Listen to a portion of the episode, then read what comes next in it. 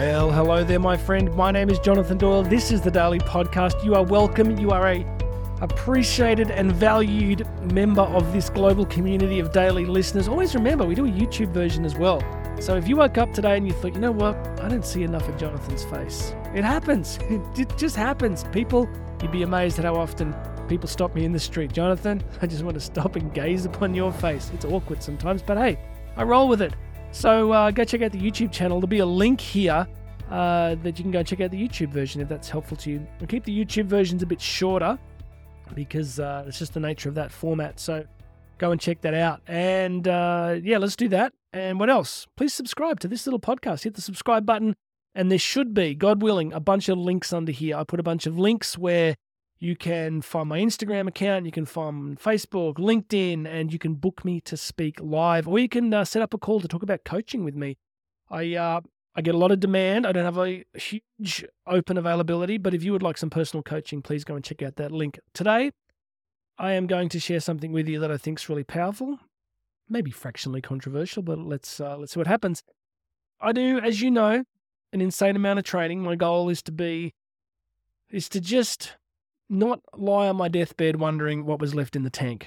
So, yesterday morning, about 5 a.m., I'm training again as hard as always. And I went and did like a 10 kilometer heavy ruck, which is where you, you take like a really heavy special backpack and you walk fast up hills with a dog. You have to have a dog. If you don't do it with a dog, it's just not going to happen. So I took the dog out and we're doing about 10K and I was listening to some great stuff. And I was actually listening to some stuff by one of the most confusing, complex people in the world, Jordan Peterson. Many of you are familiar with him. Just fascinating mind when you just listen to him, you know, flowing in his mind.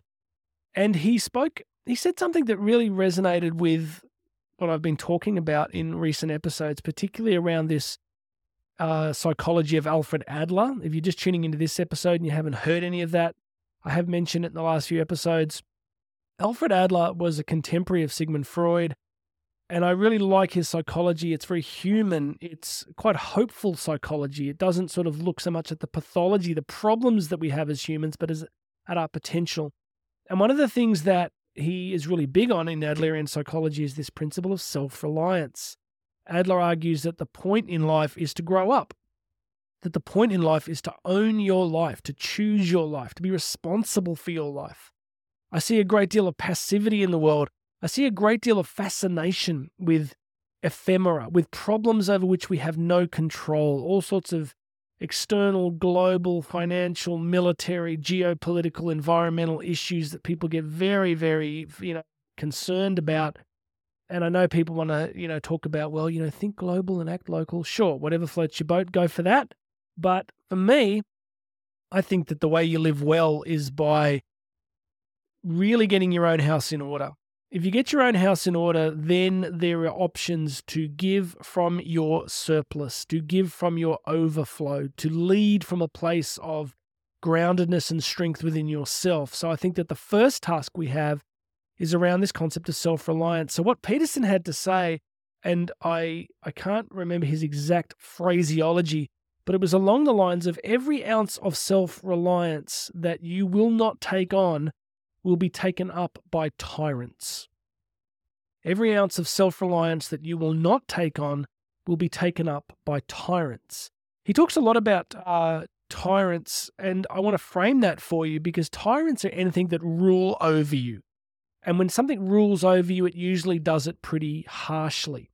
Now, a tyrant could be an addiction, it could be alcohol, it could be social media, it could be Netflix, anything that we outsource our life to and our time to in an inordinate manner that takes us away from the task of growing ourselves up and developing ourselves so we can contribute and live more fully. So, again, every ounce of self reliance that we will not take up. And that's important because we have to take up the task. You know, remember Jesus saying, you know, that you, you got to take up your cross every day. You got to walk with it. You actually got to follow in the footsteps of the divine, of, of God Himself and do the work of life, do the work of living, do the work of actualizing all that potential that is within you. You know, I think it was Maslow, of course, Maslow's hierarchy of needs that so many people have just imbibed as absolute gospel. Look, Maslow was a complex character, some very questionable personal behaviors. Um, I'm in my postgrad, I did a lot of work on Maslow. So, Maslow, of course, finishes his hierarchy of human needs at the principle, the pinnacle of self actualization, that the task of was to fully recollect yourself, to, to, to become all that you could be, and to fully realize your potential. And as I've often said, he was wrong. So the, the highest pinnacle of human existence isn't just self actualization, realizing your potential. There's a step beyond that. So, yes, I do agree that that's where you want to get to. But the reason you get to this point of self reliance is so you can contribute. That's the point.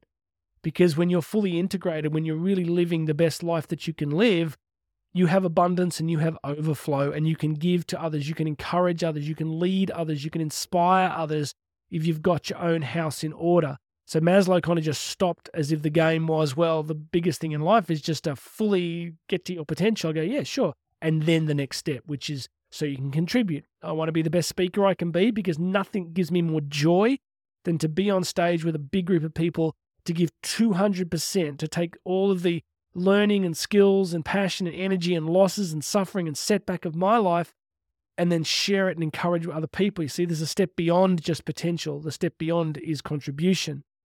So let's remind ourselves of this again. Every ounce of self reliance that we will not take up. See that not take up? Like it's a resistance, right? It's like we resist the work of self reliance. And we resist it in so many ways. We resist it through avoidance. So we just avoid thinking about the things we need to do. We resist, you know, telling ourselves the truth, going, you've got this character flaw or this character flaw or this character flaw. You know, David Goggins calls it the accountability mirror. You stare in the mirror and tell yourself the truth, the real truth, all of it in all its ugliness. You go, look, can you look in the mirror and say, look, you're lazy. You're just lazy. You want all these things, but you're lazy. You're just not doing enough. And you're telling yourself all sorts of strange stories about why you can't have it and that's the truth. And you know, done most of the time we absolutely hate it when someone else does it for us, right? When someone really points out our flaws, it's really hard. But if we want to go on this journey of self reliance, then that's the price of admission. So, back to this tyrant thing, these things rule over us, right?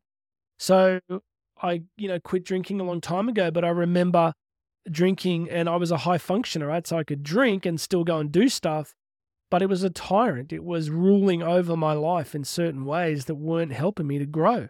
So I'm like, this has to go. Uh, you know, I had to step into my self reliance. I remember the journey that I took when I wanted to quit drinking was a long journey, but a crucial part of it was this sense of I can no longer leave so much life on the table. I've got to stop leaving life on the table. I'm just not living fully. I'm being ruled over by a tyrant that I've created and that I've welcomed and can't be here anymore if I want to step into self reliance. So, my friend, as hard as this conversation between you and I is today, I want you to look into your life and say, where are you resisting self reliance? Where are you saying that the problems that you have are being caused by someone else? No one wants to hear this. You know, it's such a victim culture. We want to say, well, this person did this, this person did that, therefore I feel this way and I act this way. Sure, that's a great story and probably true. But is it giving you the results that you want in life? Do you really want to keep living that way? See, if you want something different, what you need is self reliance, and you need to identify the tyrants in your life. I need to identify the tyrants in my life. What are mine? Negative thinking. Jonathan, you're a motivational speaker. I struggle with negative thinking. If I am not hyper vigilant, I fall backwards. I, I, you know, I just do. And it rules over me. And, you know, I can sometimes get into avoidance. I can use complex, we use, oh man, we can use the most complex strategies of avoidance. They, they can look so good that I'm just doing this, I'm working hard on this project. Sure, but it's the wrong project. It's taken you away from what you should be doing, Jonathan. So if we take up our self reliance, then we will know the tyrants and we will take our power back from the tyrants in our lives. So, my friend, who, what, where are the tyrants in your life that are stopping you from stepping into this beautiful, powerful, shining task of self reliance? Because from that place of self reliance, from that place of integration, from that place of potential in your life, then you can go beyond Maslow and you can start to contribute. And when you really start to contribute, you will find joy you will find meaning and you will find purpose. So press on, my friend, press on. All right, I'm going to stop there. Please make sure you've subscribed today. It makes, makes a big difference to me knowing that you've subscribed uh, so I can get you this stuff regularly. Go and check out all the links. I'm back on Instagram. J Doyle Speaks. There'll be links to Instagram, there'll be links to LinkedIn. You can find everything you need there. So I'd love you to go and check those out. And of course, I'd love you to book me to speak live. It is a great joy and pleasure uh, to construct content specific to your organizational needs. So I build exact content that's going to suit your organization and we go from there. So reach out on those links. God bless you, my friend. My name is Jonathan Doyle. This has been the Daily Podcast. You and I are going to talk again tomorrow.